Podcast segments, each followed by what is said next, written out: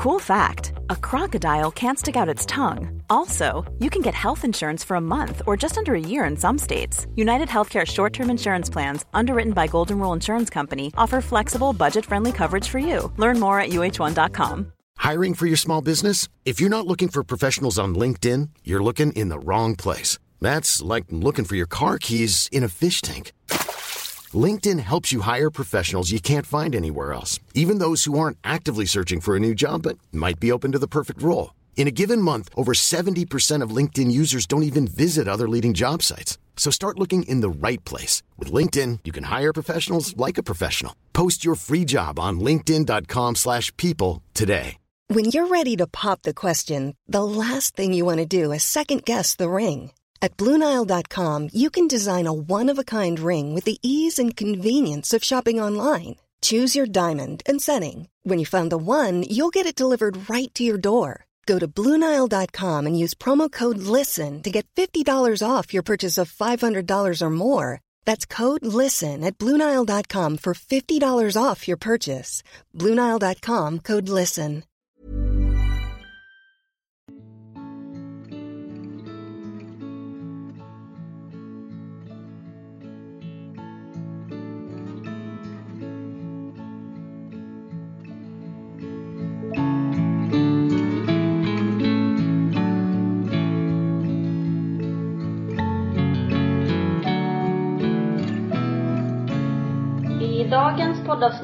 Har vi mamma Sofia med oss och det är via Skype, så ljudkvaliteten kommer bli något sämre på det här avsnittet. Men vi gör vårt bästa. Vad roligt att du vill vara med och dela er historia, Sofia. Ja, tack för att jag får lov att vara med. Det känns bra att få dela med sig och få prata om sin lilla bebis. Vad bra. Eh, Du får egentligen sätta igång direkt om det känns okej för dig och berätta om er lilla bebis. Absolut. Eh, det är så svårt att veta var man ska börja för man vill ju berätta allt. Men det var för lite mer än ett år sedan, den 8 september 2019, så eh, kände jag att eh, det inte rörde sig i magen. För jag var gravid precis i slutet av graviditeten. Det var exakt en vecka innan beräknad födsel. Och jag kände att nej men det, det rör inte sig. Eh, jag försökte puffa på magen och dricka kallt vatten och ligga på sidan, alla tips man får. Men, eh, nej men det hände ingenting och jag kände, magen kändes liksom lealös. Men jag tänkte, ja men jag ska på bio med min eh, väninna. Så jag tänkte att, ja men vi gör det för att det kommer säkert röra sig under bion när man sitter där lugnt och tyst och så kommer man säkert tänka på det. Så vi åkte iväg på bio och jag satt hela biofilmen och satt och försökte puffa på magen och liksom att, ja men det borde röra på sig. Så jag kände, jag kände ju att någonting var fel. Så efteråt ringde jag upp till eh, förlossningen och sa att ja det har inte rört sig nu på ett dygn. Jag skulle vilja komma in. Så min väninna skjutsade upp mig eh, släppte mig utanför och frågade om hon skulle följa med in, men jag sa nej, nej men jag ska ju bara kolla. Eh, det är säkert ingen fara. Så släppte mig utanför och så gick jag upp på förlossningen. Och fick komma direkt in på ett rum. Det känns som att man annars bara får komma in på ett sånt litet kontrollrum eller vad man ska säga, ett litet eh, rum vid sidan om. Men jag kom in på ett riktigt rum. Och de satte på sina CTG. Och man, de letade och de sa att nej vi hittar inte riktigt här nu men eh, den kan säkert ligga på något annat håll bebisen. Det är säkert ingen fara och de letade, man, alltså nu i efterhand vet man att där hade de ju panik. De misstänkte ju redan där och då att det var för sent. Eh, nej, så de letade för fullt på CTG och satte på för att kolla vad min puls låg på. För de hittade en puls på magen, men det var ju väldigt låg så de, de förstod väl att det var min puls. Men det fattade inte jag från början för jag tänkte min puls känner man väl inte på magen. Men det gör man ju såklart. Så sa de, men vi ska gå och hämta en läkare som ska få titta med ultraljud. För att bebisen ligger säkert på något annat håll, så då hittar vi det med ultraljud. Och läkaren kom in och började titta med ultraljud. Eh, och det blev knäpptyst i rummet. Totalt knäpptyst. Och undersköterskan sätter sig på sängen bredvid mig och håller mig i handen. Och det var alltså längsta minuten någonsin. Och till slut så bara brister jag ihop och bara typ skriker. Nu har det, så svor jag väl, ah, nu har det fan varit tyst för länge. Och eh, läkaren säger att ja, det fattar inte är några hjärtljud. Och alltså, allting var brast. totalt. Jag bara grät helt hysteriskt och jag vet allting var bara helt förvirrat och undersköterskorna kramade mig och barnmorskan kramade mig och alla bara var där. Um, men allting är alltså nu i efterhand som bara, alltså nej. Det går inte att förklara, det var bara en konstig upplevelse. Det går inte att förklara för någon som inte har varit i den. Och de frågade, ska vi ringa till någon? Jag sa, nej men jag kan ringa själv men ni får stanna i rummet. Så jag ringde till min sambo som precis hade nattat vår dotter där hemma. Eh, vi har en dotter som är två och ett halvt, eller hon var två och ett halvt då. Sen hade jag precis nattat henne så jag ringde till honom och sa, bebisen är död. Och han trodde ju typ att, ja men jag har somnat in hos Ellen. Det här är bara en dröm. Jag kommer liksom vakna upp på denna. Och han frågar, ja jaha vad ska jag göra nu? Och jag säger, ja du får ringa till min pappa och säga att han kommer och passar Ellen. Och så får du komma hit. Eh, och sen ringde jag till min väninna direkt efteråt, hon som hade släppt av mig på förlossningen och sa samma sak till henne. Eh, bebisen är död och hon bara, nej, du, du skojar med mig, det är inte sant. Så jag bara, nej det är sant. Hon sa, vill att jag ska komma? Så ja, gör det för du kommer hit snabbare än vad Jimmy gör. För vi bor en och en kvart ifrån lasarettet och jag visste att han skulle först vänta på pappa så skulle köra dit och det tar en kvart. Så att hon vände snabbt tillbaka och körde dit eh, och kom till mig och satt där med mig en halvtimme kanske innan Jimmy hann dit. Och Jimmy hade sen gjort att han försökte parkera vid akuten där man ska gå in när det är kväll.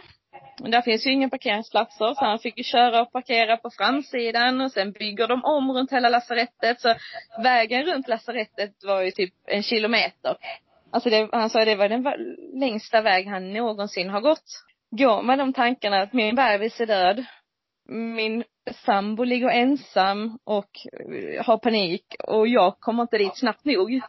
Han ville bara teleportera sig dit för att komma dit liksom direkt. Så det tyckte han var fruktansvärt. Och jag låg där i den bubblan med min bästa vän som tar hand om mig och bara, nej man bara är i någon värld som inte går att beskriva, man vet inte vad man ska tänka. Nej, och sen kom Jimmy dit och eh, ja, man diskuterar alla saker. Ska vi, eh, hur ska detta gå till? Och de säger att vi tar inga beslut idag, vi tar alla beslut imorgon. Och jag sa, jag tänker inte föda ut detta barnet på naturlig väg. Det gör jag inte. För att min första födde jag med kejsarsnitt. Eh, och jag sa, jag har inte min första förlossning med en död bebis. Det gör jag inte. Uh, och de sa att nej men det bästa för dig Sofia det är, är vaginal förlossning, det bästa för att kunna bli gravid i framtiden, det bästa för anknytningen till denna bebisen, det bästa för, för dig hälsomässigt är att föda vanligt. Och jag bara nej, jag tänker inte göra det, ni får snitta mig och plocka ut bebisen. Man är liksom, varför ska man gå igenom något sånt? Man kan inte förstå det. Uh, och de frågade, vill ni sova här eller vill ni åka hem? Och vi tog beslutet att vi ville åka hem och sova eftersom pappa satt barnvakt till Ellen. Så då åkte vi hem, fick med oss mediciner hem, vi fick med oss sömntabletter eh, och, och, och vi fick veta att rummet är ledigt om ni vill komma tillbaka. För det är detta, detta är ert rum nu, så det, ni kan ångra er mitt i natten om ni vill komma tillbaka. Men vi åkte hem och så, vi tog inte några sömntabletter, vi tog ingenting för vi ville liksom vi hade ansvar för Ellen då. Då var vi hemma med vår två och ett halvt-åring som kommer in mitt i natten och vill sova mellan oss. Så att det var självklart att vi ville vara med henne då och ha ansvar för henne. Och sen kom mina föräldrar tillbaka på morgonen och tog över. Då eh, åkte vi in på lasarettet igen. Eh, och fick prata igen ju om eh, hur vi, vilken förlossning vi skulle ha. Och jag var liksom, nej jag ville ju inte föda vaginalt men jag sa väl till dem i princip att ja, jag får väl göra det då för det tycker ni är bäst. Så ja, jag får väl göra det då. Man liksom ger upp. Hade ni pratat mycket hela natten typ, eller hade ni kunnat sovit, eller hur var det? Nej, jag tror inte vi pratade så jättemycket. Alltså vi, vi väldigt normala, eller vad man ska säga, vanliga. Man var ju, alltså lite avstängd kanske och visste inte vad man skulle tänka. Men vi kom hem och sa hej till pappa, har det gått bra? Och sen gick vi och la oss och sen så sov vi helt okej. Med tanke på att man ligger där och vet att man har en död bebis i magen så sov vi förvånansvärt bra. Men hade ni berättat för fler vad som hade hänt eller höll ni det för er själva? Um, nej, jag ringde till min mamma och sa att uh, pappa måste åka till Jimmy nu. Eller nej, Jimmy ringde till, till pappa och sa att du måste komma hit och passa Ellen.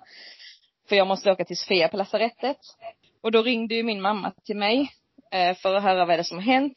Och då berättade jag för henne. Men jag hade så mycket svårare att prata med henne för hon var så, hon var ledsen. Och det klarade inte jag av då liksom, utan det var mer så, ja okej, okay, mm, jag vill inte prata med dig mer. Så. Och hon ville ringa till min bror och sa, nej jag vill göra det själv.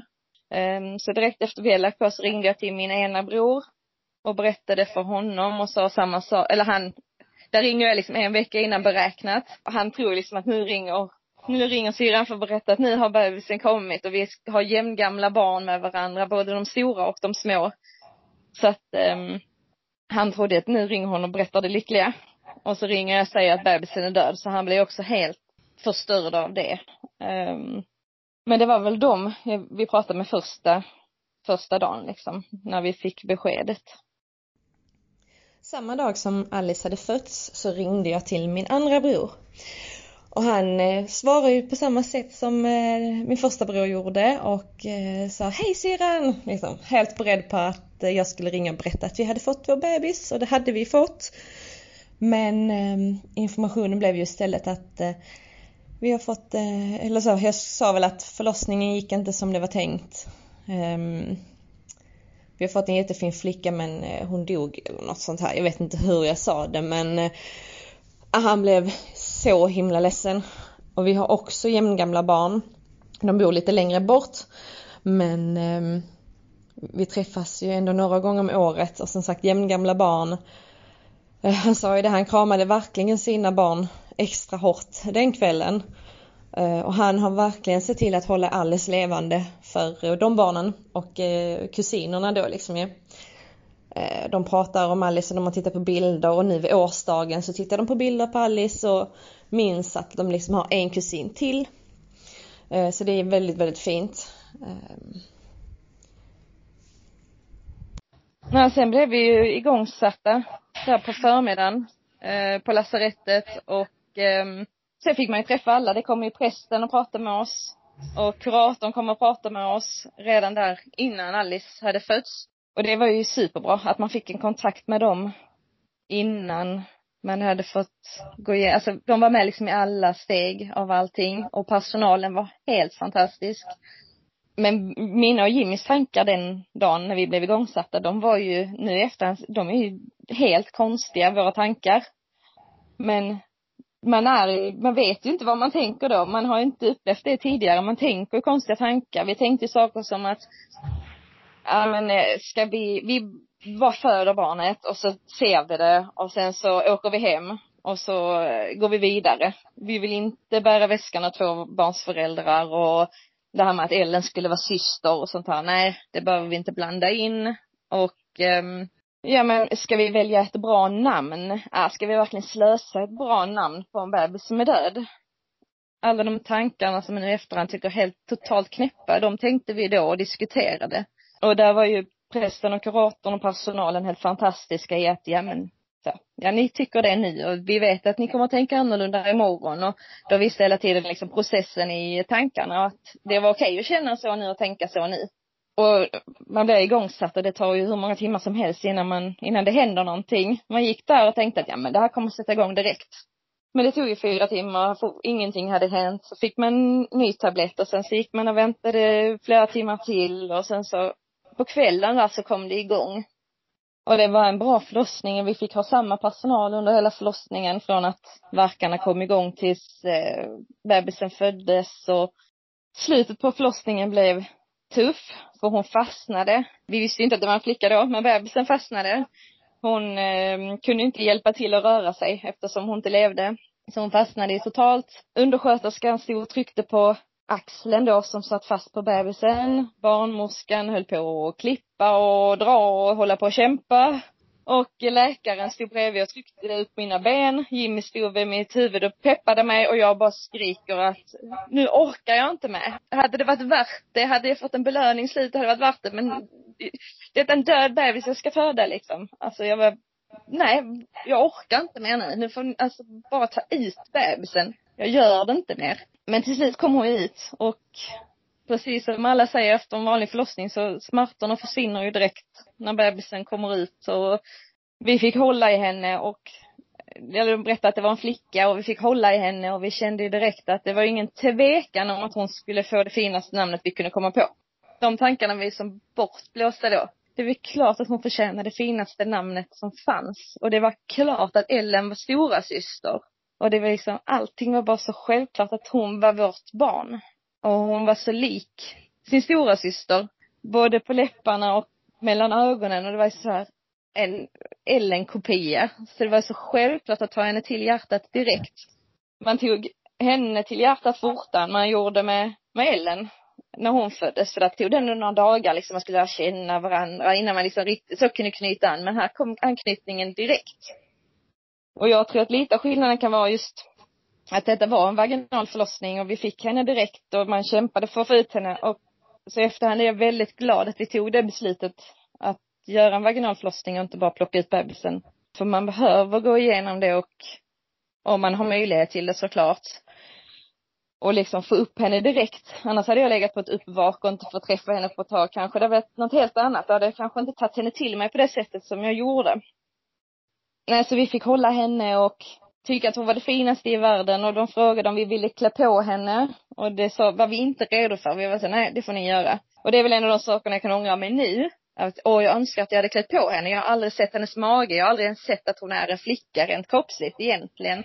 Och sådana saker jag ångrar nu, men jag vet att jag var inte redo för det då. Så jag kan, hade inte kunnat göra på något annat sätt i det läget. Men man vill liksom lite, ja men jag önskar det fanns en tidsmaskin så jag kunde åka tillbaka och ta, göra ett annat beslut nu med den kraften jag har nu. Men jag hade inte kunnat göra det då. Hade ni valt ut kläder? Vi hade bestämt vilka kläder vår bebis skulle ha innan vi fick reda på att hon var död. Och det var liksom samma tänk som när stora syster föddes fick hon en body och byxor då där det stod på bodyn born 2017 och nu visste vi att denna bebisen skulle ha born 2019. Så det var en självklarhet att hon skulle få på sig de kläderna. Det var liksom inte någon annan tanke. Så de fick hon på sig. Hon var jättefin. Och sen um, sa de ju det här också dagen innan vi födde henne att ja, så kommer ni få ha bebisen hos er i en, uh, i en kylväska. Och jag såg framför mig en sån här blå man hade förr när man åkte på utflykt med kylklampar och så. Så man har picknick med sig. Så jag bara sa, nej mitt barn ska inte ligga i en kylväska.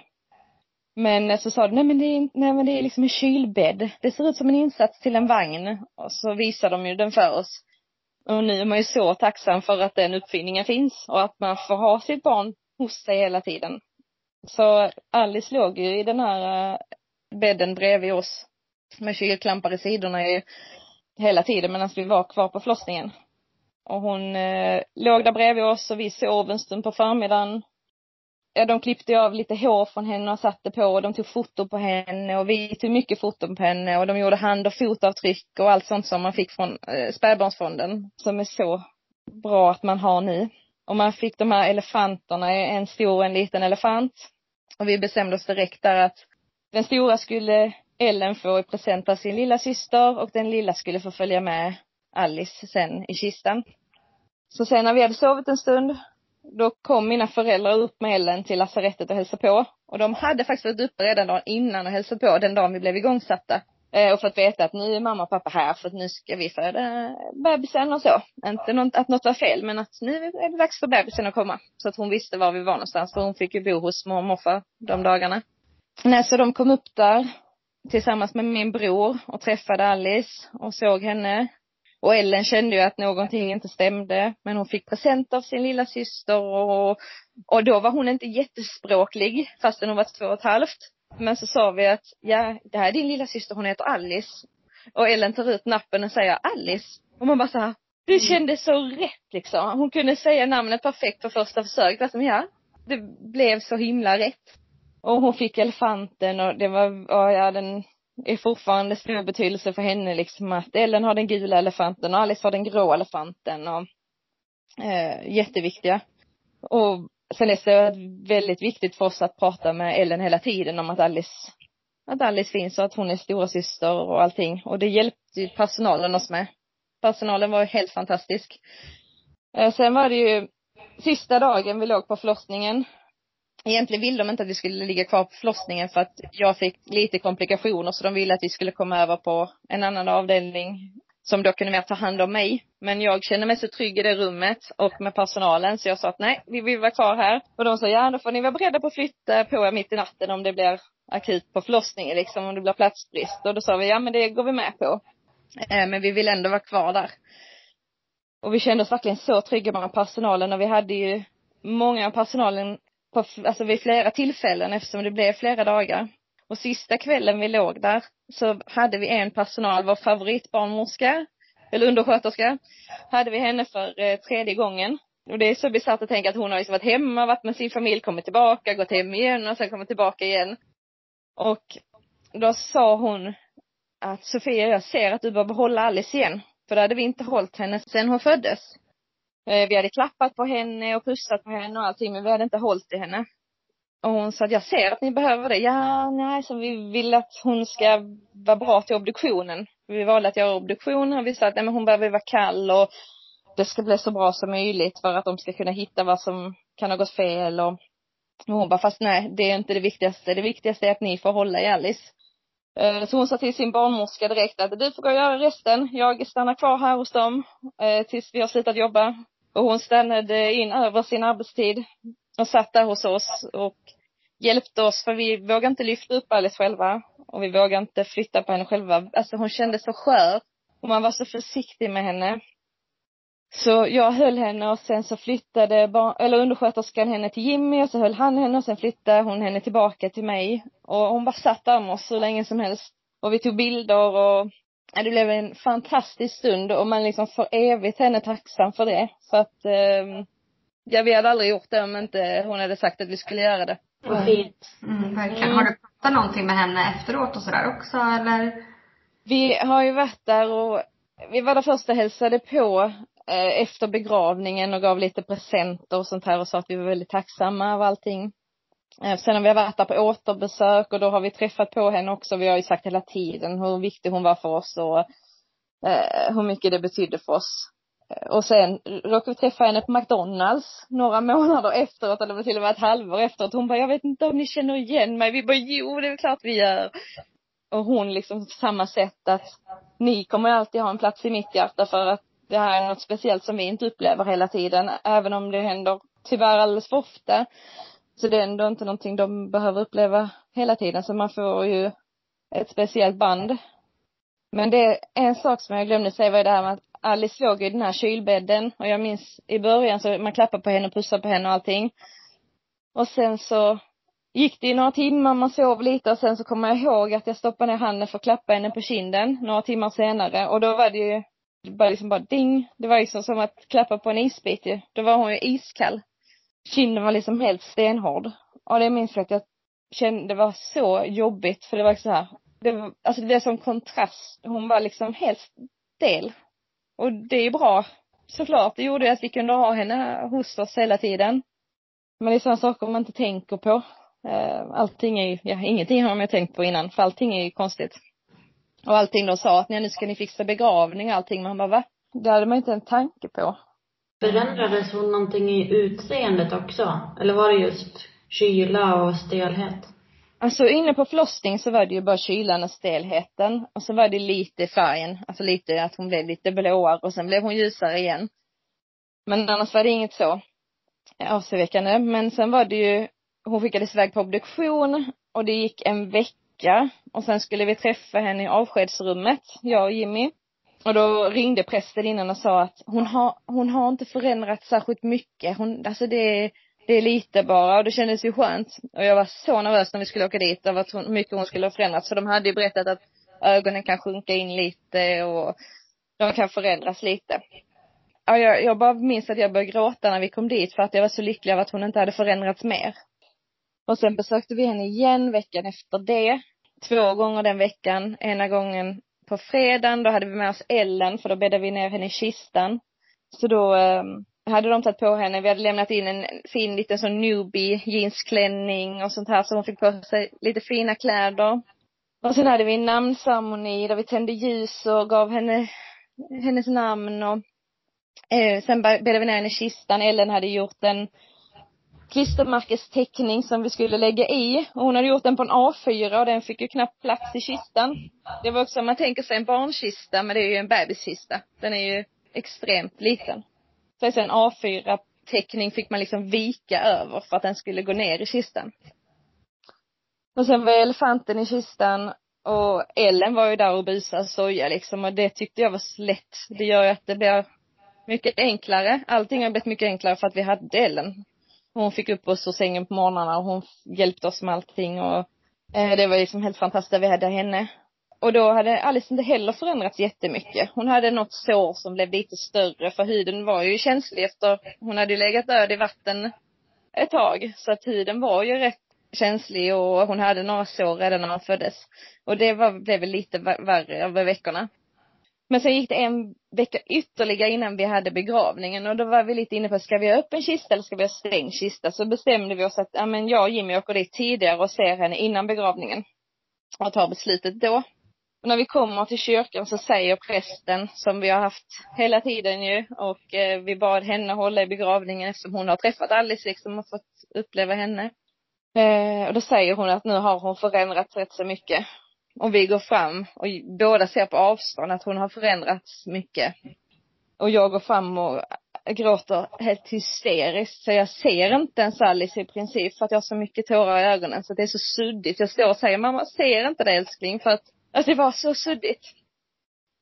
Och Jimmy ville inte gå fram för han såg att hon hade förändrats så mycket så han ville inte komma fram och titta. Och jag hörde att han stod och pratade med pressen om att jag vill inte se detta. Men till slut så kommer han fram ändå för han känner att, ja men jag vill att min sista minnesbild av Alice är samma som Sofias är. Att vi ska ha samma minnesbilder, att vi ska ha sett samma saker. Och det enda jag tänkte när han kommer fram det är att, åh kom inte fram, du ska inte se förändringen. Och jag försökte dölja det jag inte ville att han skulle se liksom för att då hade hon varit död i tre och en halv vecka. Och jag står, jag står där vid kistan och liksom är jätteledsen och sen så till slut bara vänder jag ryggen mot kistan ju liksom för att visa på att nu kan ni sätta på locket. Och ändå gör de inte det så blir jag så frustrerad för dem. Så jag får vända mig tillbaka och säga det med ord, nu kan ni sätta på locket. Jag ville bara att de skulle förstå att när jag, när jag vänder ryggen bort så ska ni bara sätta på locket. Men eh, han från begravningsbyrån måste ju, han ville ju vänta på att vi gav vårt godkännande till det. Och begravningen var jättefin. Vi hade jättefina sånger och jag sjunger i en kör i kyrkan, alltså min körledare var kantor på just vår begravning, så hon sjöng solosånger. Och Ellen var fantastisk under begravningen. Jimmy grät jättemycket. Jag hade gråtit färdigt för jag tog avskedet när jag såg henne och vi satte på locket på kistan. Men Jimmy blev jätteledsen under själva begravningen och då satt Ellen, pappa är ledsen. Ja, det är han. Ska du gå och ge henne en kram? Ja, det ville hon. Mm. Så hon, så hon gick och gav honom en kram och tog hand om honom. Så gick hon tillbaka. Hon tittade så bekymrat på honom. Men det var en väldigt, väldigt fin begravning. Eh, och prästen har vi fortfarande kontakt med nu ett år senare och går och pratar med henne. Eh, så det är sånt fantastiskt stöd man får direkt när något sånt här händer liksom. Eller i alla fall, vi fick det. Alla har kanske inte lika mycket tur som vi hade, men vi hade fantastisk personal och fantastisk präst eh, som tog hand om oss. Prästen ringde mig några eh, veckor efter begravningen och frågade mig, eller snarare hon sa att hon har svårt att veta hur hon skulle göra i de situationerna. Om hon eh, ska avråda föräldrar från att se på bebisen eller om hon ska säga att hon ska göra det. Hon visste inte riktigt hur hon ska agera i det läget. Och jag sa att för min del var det väldigt, väldigt bra att se Alice eh, då, hur jobbigt den var. För det fick mig att lättare kunna släppa taget om Alice. För att jag såg att hon var död. Då hade hon varit död i tre och en halv vecka. Då ser man att någon är död. Även om de hållits nedkylda mestadels. Men hon hade ändå kommit fram från eh, kylan flera gånger till avskedsrummet när vi höll henne och träffade henne och under namnceremonin och allting.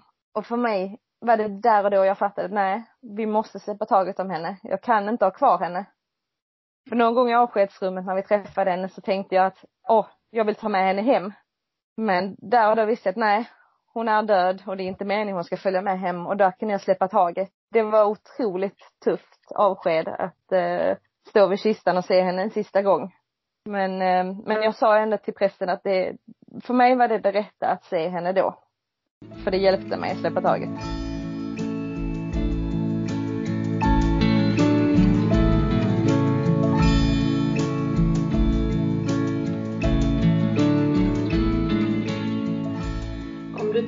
På Alice nu, får du, kan du få upp läskiga bilder då? Eftersom att det kanske var lite läskigt sista bilden. Nej. Och även där och då när jag stod och tittade på henne så vet jag att jag sa till henne att Alice, jag ser att det är du. Och liksom, mamma älskar dig och, och alla de bitarna. För jag såg ju, när jag tittade riktigt nära så såg jag att det är ju du. Du har inte förändrats. Och nu i efterhand så mår jag inte dåligt över de sakerna jag såg heller. Det var precis efteråt där som man bara, jag såg att hon var död liksom. Jag såg att det här hade skett och nu är det meningen hon ska försvinna. Men nu i efterhand så, så kan jag inte se det som något jobbigt utan jag minns bara henne på alla fina sätt. Och sen har jag tittat på bilderna miljontals gånger. Så det kan jag snart tycka är jobbigt, att jag blir inte berörd på samma sätt när jag tittar på bilderna längre för jag har sett dem så många gånger. Medan Jimmy har inte tittat på bilderna så mycket så att han kan snart tycka det är väldigt jobbigt för det tar fram väldigt mycket känslor. Och jag har lyssnat på låtarna från begravningen många gånger. Så att jag tycker bara de är väldigt, väldigt fina. Men alltså, som Jimmy lyssnar på dem så tycker han det är jobbigt för det väcker som sagt väldigt mycket känslor. Så vi har ju hanterat det väldigt olika efteråt. Men det är väl väldigt vanligt att man gör det, att man hanterar det olika. Sen var vi väldigt bra stöd för varandra. När den ena var stark så var den andra svag och vi tog hand om varandra och vi pratade väldigt, väldigt mycket. Så att det funkade väldigt bra. Vi var väldigt starka för varandra. Men vi har hanterat det på väldigt olika sätt. Jag har pratat väldigt mycket om Alice och skrev om Alice efter, samma dag som begravningen var, så la jag ut ett inlägg på Facebook i samband med en insamling till Spädbarnsfonden. Så jag gjorde ett inlägg om att idag har vi haft begravning för vår barn och detta har hänt och um, sen delar vi det med alla. Det var liksom bara mitt sätt att få ut det, att jag ville att alla skulle veta. Jag vill inte råka stöta på någon som inte visste och behöva berätta det om och om igen. Och Jimmy ville först inte lägga ut det men så fick jag fram det som att ja men om vi gör det i samband med en insamling till Spädbarnsfonden, ja men då tyckte han att det var en bra idé. Eh, och den responsen vi fick av det, det var helt otroligt. Det kunde, alltså vi hade aldrig kunnat tänka oss någonting liknande. Aldrig någonsin. Vi satte ett mål på tusen kronor och, och liksom tanken var bara att det skulle, att folk skulle få veta. Och folk blev så engagerade och skrev så mycket fina ord och det var människor man inte hade pratat med på hur länge som helst och människor man känner jätteväl. Och människor man har kommit mycket närmare på grund av detta. för alla skrev så himla mycket fint och Jimmy tyckte först att, ja ah, men det kommer man få massa styrkekramar hit, styrkekramar dit. Och det är bara jobbigt, de menar inte det.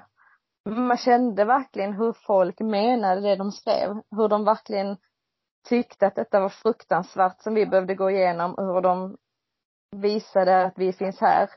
Och jag, vi hamnade på en summa på 28 000 någonting och det var liksom så här, alltså ofattbart så det är helt sanslöst. Man var så, va? Och det kändes som att det gav Alice en mening på något sätt. Som att Alice död gjorde att vi fick in dessa pengarna till att det ska kunna bli bättre så att det inte ska hända lika många i framtiden. Även om det bara är en liten summa i det sammanhanget så var det väldigt, väldigt mycket för oss. Har ni haft någon mer eh, samhörighet med Spädbarnsfonden? Um, nej, inte direkt. Um, jag har haft lite kontakt med dem bara. Om att jag skulle vara intresserad av att framåt vilja bli en stödperson eller så. Att jag tycker att det är väldigt viktigt och jag vill gärna prata med folk som har varit med om det nyligen och hjälpa dem och andra, alltså redan direkt efter att detta hade hänt så var det som så om folk ställde frågor så var jag, svarade jag direkt och vill engagera mig i att eh, för det första att folk ska få veta hur vanligt detta är och sen att hjälpa dem som är med om samma. För vi kan ju hjälpa varandra jätteväl. Vad tyckte du var liksom, på tal om det här med att du vill hjälpa andra. Vad tycker du själv var det bästa stöd du kunde få i den här situationen? För mig var det ju mycket att få dela med mig och skriva texter som hjälpte mig och att folk kommenterade. Att folk visade att de fanns där, och att folk svarade mig och att folk, att folk visade att de fanns där, att de inte blev rädda liksom. Och jag hade någon, alltså vänner har ju blivit helt olika efter detta som har hänt. Eh, har någon vän som man inte hade pratat med alls mycket de senaste åren, som helt plötsligt har blivit jätteviktig för att de verkligen fanns där när detta hände. Som jag pratade med Alice om jättemycket och berättade allting och skickade bilder till och bara liksom, åh vad fin hon är liksom. Och när någon säger hur fin ens bebis är, för jag tycker såklart att hon är finast i världen.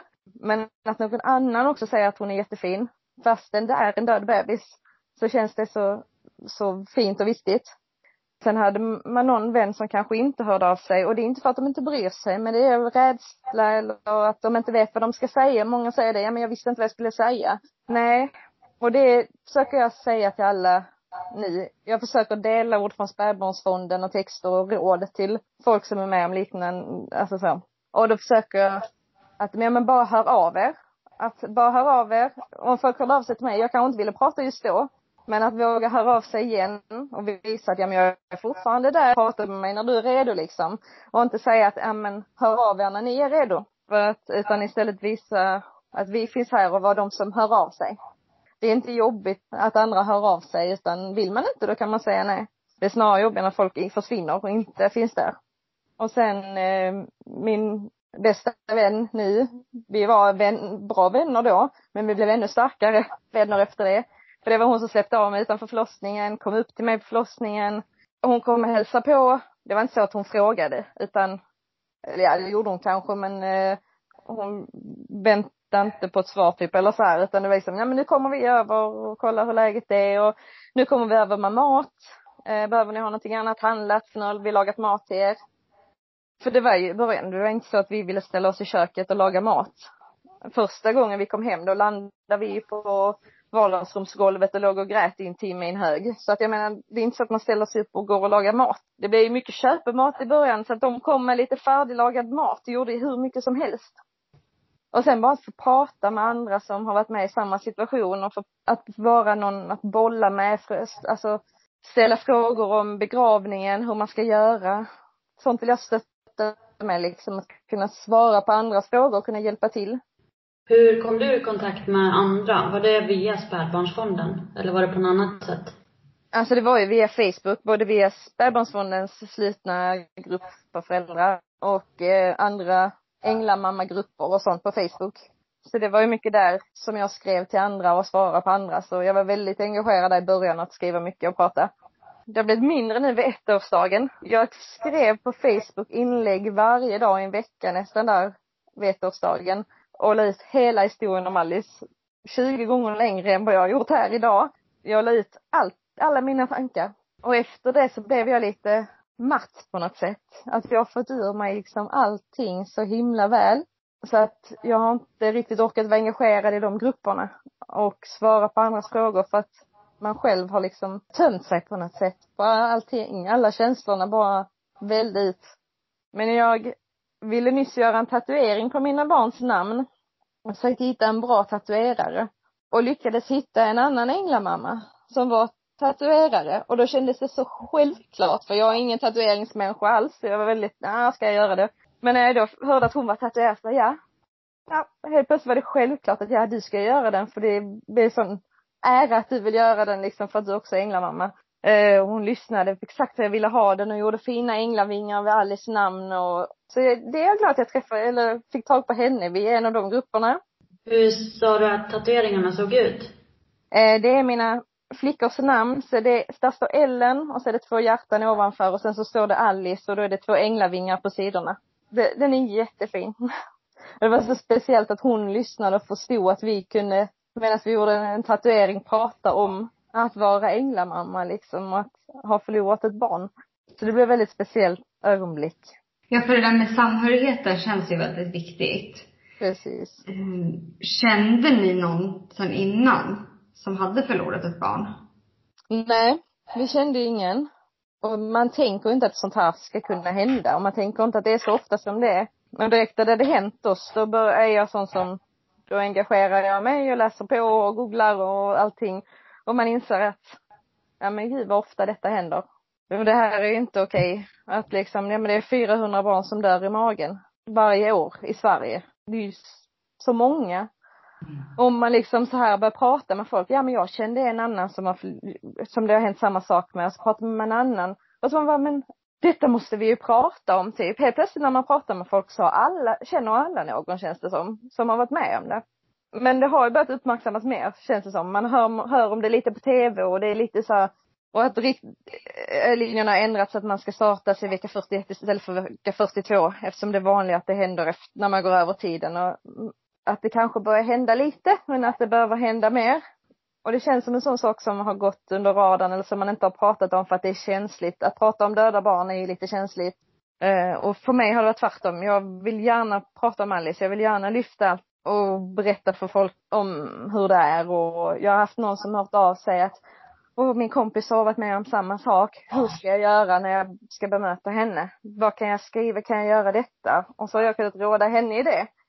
Just för att jag har varit så öppen på Facebook och skrivit ut allting. Och jag har fått väldigt bra respons på det när jag skriver på Facebook. Jag skriver lite mycket. Tycker om att skriva.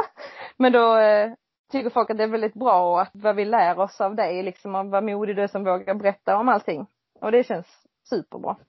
För jag vill ju bara berätta min, mina känslor och vad jag tänker. Och då är det skönt om det kan hjälpa någon annan, även om det bara är en annan. Och så kan det säkert vara bearbetning för dig också. Ja, precis. Det är det ju. Fick ni reda på varför Alice dog? Nej, det fick vi aldrig.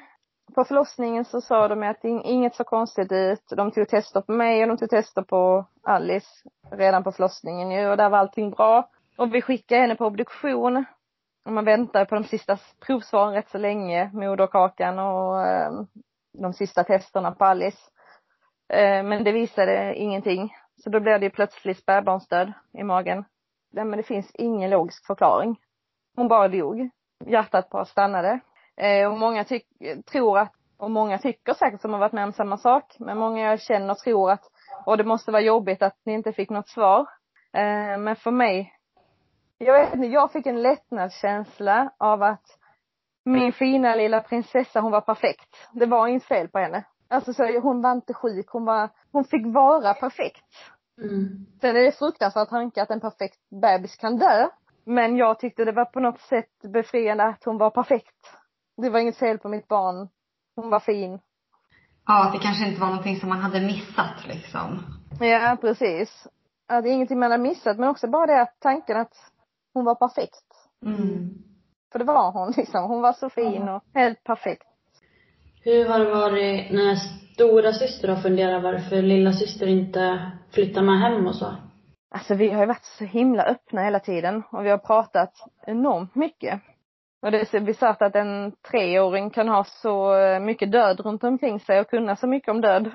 Där låg ju saker framme i huset när vi kom hem.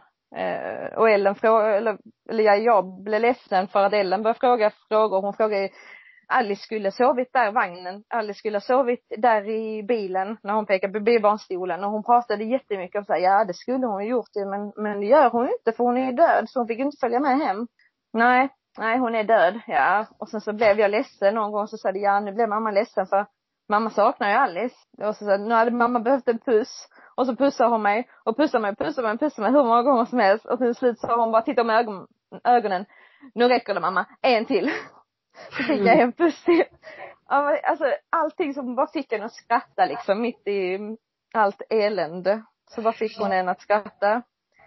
Och vi har pratat så himla mycket om död och vi pratar ju fortfarande hela tiden. Senast idag pratade vi för då var det, var det någonting vi, vi såg, ja blomman var död. För att vi inte hade vattnat den. Och det var liksom så här, ja blommor kan ju också dö och det var någonting annat också som Ja vi pratade, vi, vi var på lasarettet idag och hon sa att ja Mats är död, hennes morbrorfar. Och liksom ja, han är död. Men det var han inte innan. Men nu är han. Han kanske inte är död en annan dag heller. Så man, nej fast är man död då kommer man inte tillbaka. Precis som Alice. Har man dött så är man ju död. Ja, det är man. Och liksom, det blir så naturligt. Vi pratar om döden hela tiden på ett naturligt sätt. Och det är så enkelt med barn för de är ju så här, så är det. Eh, och därför blir det så naturligt för oss också. Sen var det ju fem veckor efter Alice hade dött så dog min mormor och sen så var det bara några månader senare som min brors pappa dog. Så det var ju så, det blev så mycket död för Ellen. Hon har varit på många begravningar det senaste året. Så det har blivit en stor grej i livet. Men det har, vi kan prata om det så himla naturligt. Och hon pratar ju om Alice hela tiden. Och vi har bild på Alice och hon vill göra fint och hon tror, när vi är på kyrkogården, vilket vi inte är särskilt ofta, men när vi är där så tror hon att där bor Alice i kyrkan. Så säger hon, det är Alice, Alice hus, Alice bor där. Och de var och lyssnade på mig när jag sjöng i kyrkan och då gav hon mig en bukett med blommor och då frågade jag henne om hon ville, om hon ville lägga dem hos Alice på kyrkogården eller om hon ville ställa dem vid Alice bild där hemma och då ville hon lägga dem vid kyrkan för det gör vi inte så ofta. Och Alice ettårsdag firade vi jättefint nu. Vi eh, skickade upp ballonger till himlen för att Alice skulle få kalas där uppe och vi åt lite tårta och allting och Ellen fick blåsa ut ljuset för att Alice skulle ju ha fyllt ett nu och det är så naturligt att prata om det hela tiden att Ellen ska få minnas sin lillasyster och att hon är storasyster. Och hon hade varit den bästa storasystern som finns för att hon är så fin med sina dockor, hon är så fin med allting, hon var så redo att bli storasyster. Så hon hade förtjänat att få vara det, för att utföra sin roll som storasyster. Alice har alltså en grav på kyrkogården? Nej, eh, hon ligger i minneslunden. Så det är dit vi går ibland. Det är inte ofta, kanske fem gånger på ett år har vi varit där max. Jag lägger lite blommor och tänder ljus. Och då försöker vi liksom pynta, skriva på ljusen och göra lite fint, göra det som en grej med Ellen. Eller med Ellens kusiner för att de också ska minnas att de har en kusin till. Mm. Jag tänkte på förut, ni hade ju någon sån här äh, liten namngivelseceremoni. Mm. Ja. Vad fick Alice för namn? Hon heter Alice Engla Persson. Mm, fint. Ja. Det var, när direkt när hon hade fötts så sa jag, alltså vi hade inga namnförslag på listan i princip för vi kom aldrig överens om namn. Eh, man hade väl lite namn men inget så som vi kände alls säkert på. Men när hon kom ut så bara tittade jag på henne och bara Alice är ett fint namn, viskade jag till Jimmy för jag ville inte att personalen skulle höra men det hade de gjort lite ändå nu. Och barnmorskan sa det, det tog inte lång stund innan jag sa det från att jag hade sett henne. Det kom liksom direkt. Jag bara, Alice, det är fint. Och Jimmy bara, ja, det är fint, men jag tänkte på änglar. Och jag bara, nja, äng, änglar på en änglabebis, är inte det lite så klyschigt, typ, tyckte jag. Eh, han bara, nej men det, jag tycker det är fint. Så bestämde vi oss för att ta Alice som första och Änglar som andra namn och nu känns det bara så självklart. Det är klart hon är Alice Änglar liksom. Så att det, och sen har hon ju samma efternamn som sin syster och sin pappa. Eh, men jag har ett annat efternamn eftersom vi inte är gifta. Och vi har alltid sagt att när vi gifter oss så ska vi ta något annat efternamn. Och sen så diskuterade vi nu det efter att Alice hade fötts att, ja men om vi ska byta efternamn, går det att byta efternamn på Alice då? Så vi ringde upp och kollade det att nej det går inte, för är man död så går det inte att byta efternamn. Vi tyckte ändå, ja men det är ändå vårt barn, kan man inte byta med henne? Nej det går inte. Så att jag får väl bli en Persson. Mm. Det var inte planen, men vi kan inte byta ifrån Alice. Det känns ju fel. Det mm. går inte. Hon kan inte bli ensam kvar.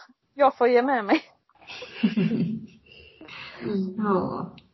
Jag funderade lite på det här. Du berättade att din bror hade barn i samma åldrar mm. som era barn. Hur har det varit för er? Um, ja, för de, deras stora tjej är fem månader äldre än Ellen. Men de är födda i olika år, men det är väldigt nära. Och sen eh, deras lilla tjej föddes i januari 2019 och Alice föddes i september 2019. Så det är flera månader mellan dem, men de är födda samma år, så de skulle vara samma årskull. Och vi liksom blev ju så glada över allting, att, att det var så perfekt. För att min bror är bästa kompis med min sambo. Eh, det var så jag träffade Jimmy, för att de två är bästa kompisar. Så att jag har börjat umgås med min bror så mycket mer sen jag och Jimmy blev tillsammans. Fått en vuxen relation med varandra och allting och står jättenära varandra. Eh, så det kändes så himla roligt att vi skulle ha barn i samma ålder. Så det är väldigt, väldigt synd att det inte är så.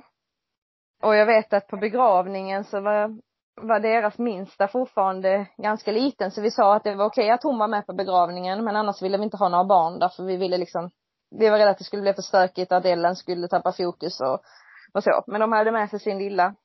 Och då vet jag att mamman där då blev väldigt ledsen för hon tyckte det kändes som att hon tryckte upp det i våra ansikten liksom. Att här har vi fått vår bebis men ni fick inte er. Hon tyckte det kändes jättehemskt.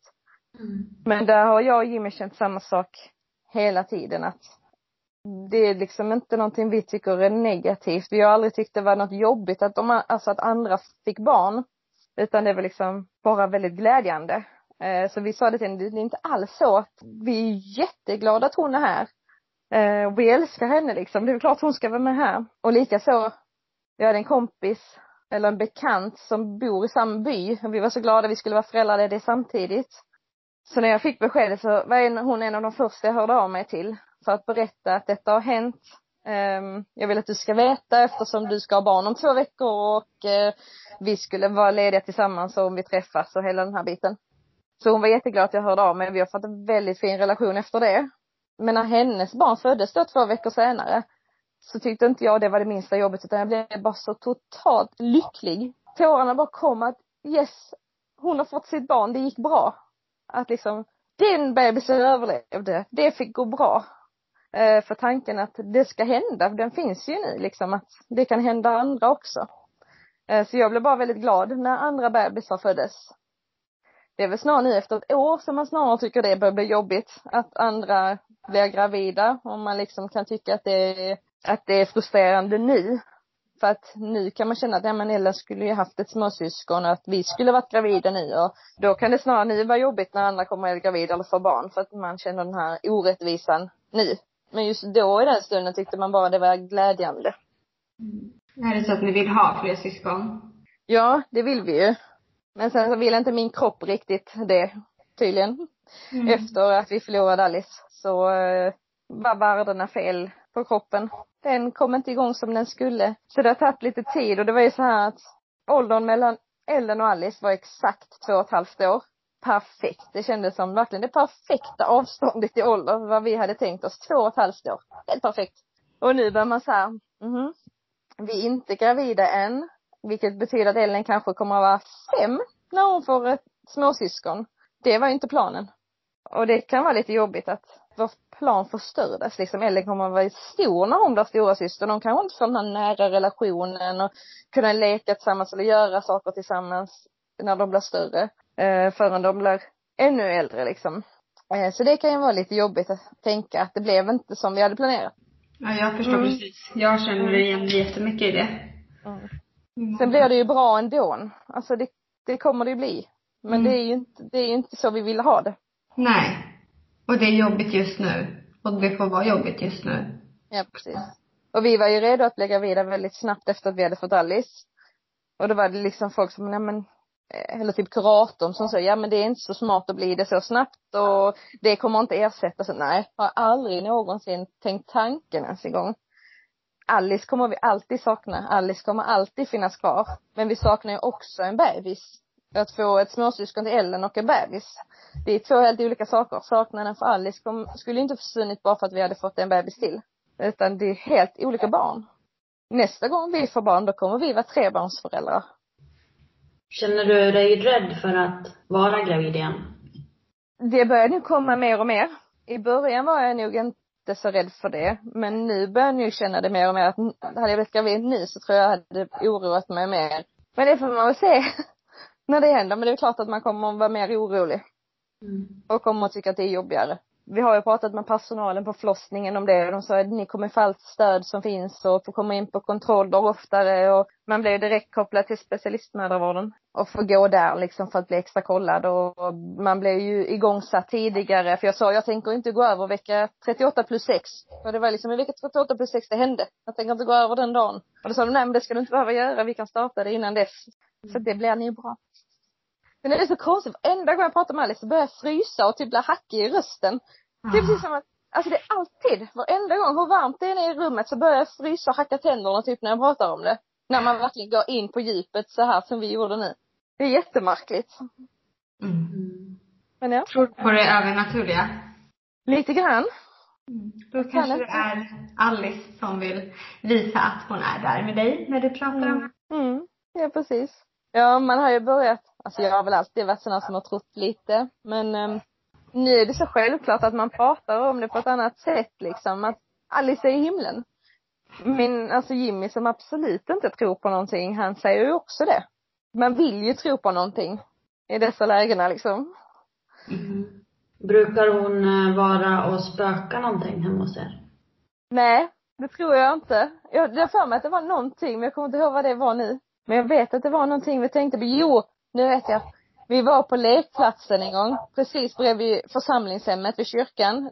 Och så var vi och lekte med elden på lekplatsen och vi hade stängt grinden till den. Det är en stor tung järngrind. Alltså den kan inte röra sig själv. Vi hade stängt den. Och sen så hade Jimmy gått någonstans och sen så hade han reagerat på att den var öppen så han hade väl stängt den igen eller något sånt här. Och sen när vi ska gå därifrån så jag bara, men grinden är öppen igen, har du öppnat den? Nej, ja, men har Ellen öppnat den? Och nej men hon har inte varit där borta. Alltså det var he- så obehagligt. Alltså det var verkligen så här, ja men den kan inte öppna sig själv. Det är en stor tung järngrind, alltså typiskt som är på vid kyrkor liksom. Den går inte att öppna av sig själv. Det är inte, jag tänkte om det lutar lite här eller sådär, men nej det lutade ingenting. Men grinden öppnas. Och vi har inte sett när den har öppnats, vi har inte sett den flytta på sig, den bara var öppen. Och jag sa det till Jimmy att ja men Alice har väl varit här och ville vara med och leka eller någonting, ville kolla när stora syster lekte. Och Jim, Jimmy förstod inte på det, så han var såhär, nej men det har, det har lutat eller det har någonting. Jag bara, nej men du ser ju själv att det har inte hänt någonting här. Och han själv liksom så här, nej. Han kom också fram till att den kan ju inte flytta sig själv. Att ni var med och leka. Ja, absolut. Mm. Kolla läget vad storasyrran gjorde. Ja. Tack så jättemycket Sofia för att vi har fått höra om Alice. Det var jättefint. Tack så jättemycket för att jag fick berätta om henne.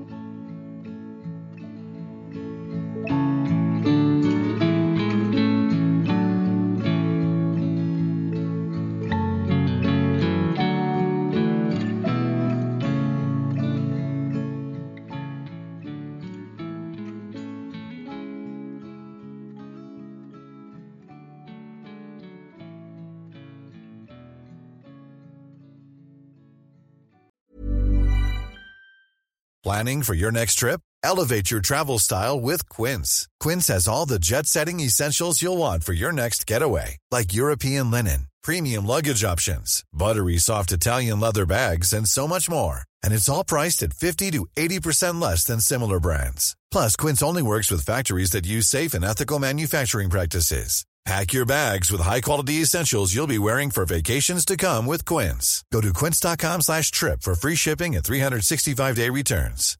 Imagine the softest sheets you've ever felt. Now imagine them getting even softer over time. That's what you'll feel with Bowl and Branch's organic cotton sheets. In a recent customer survey, 96% replied that Bowl and Branch sheets get softer with every wash. Start getting your best night's sleep in these sheets that get softer and softer for years to come. Try their sheets with a 30-night guarantee. Plus, get 15% off your first order at bowlandbranch.com. Code BUTTERY. Exclusions apply. See site for details. Hey, it's Paige DeSorbo from Giggly Squad. High quality fashion without the price tag. Say hello to Quince.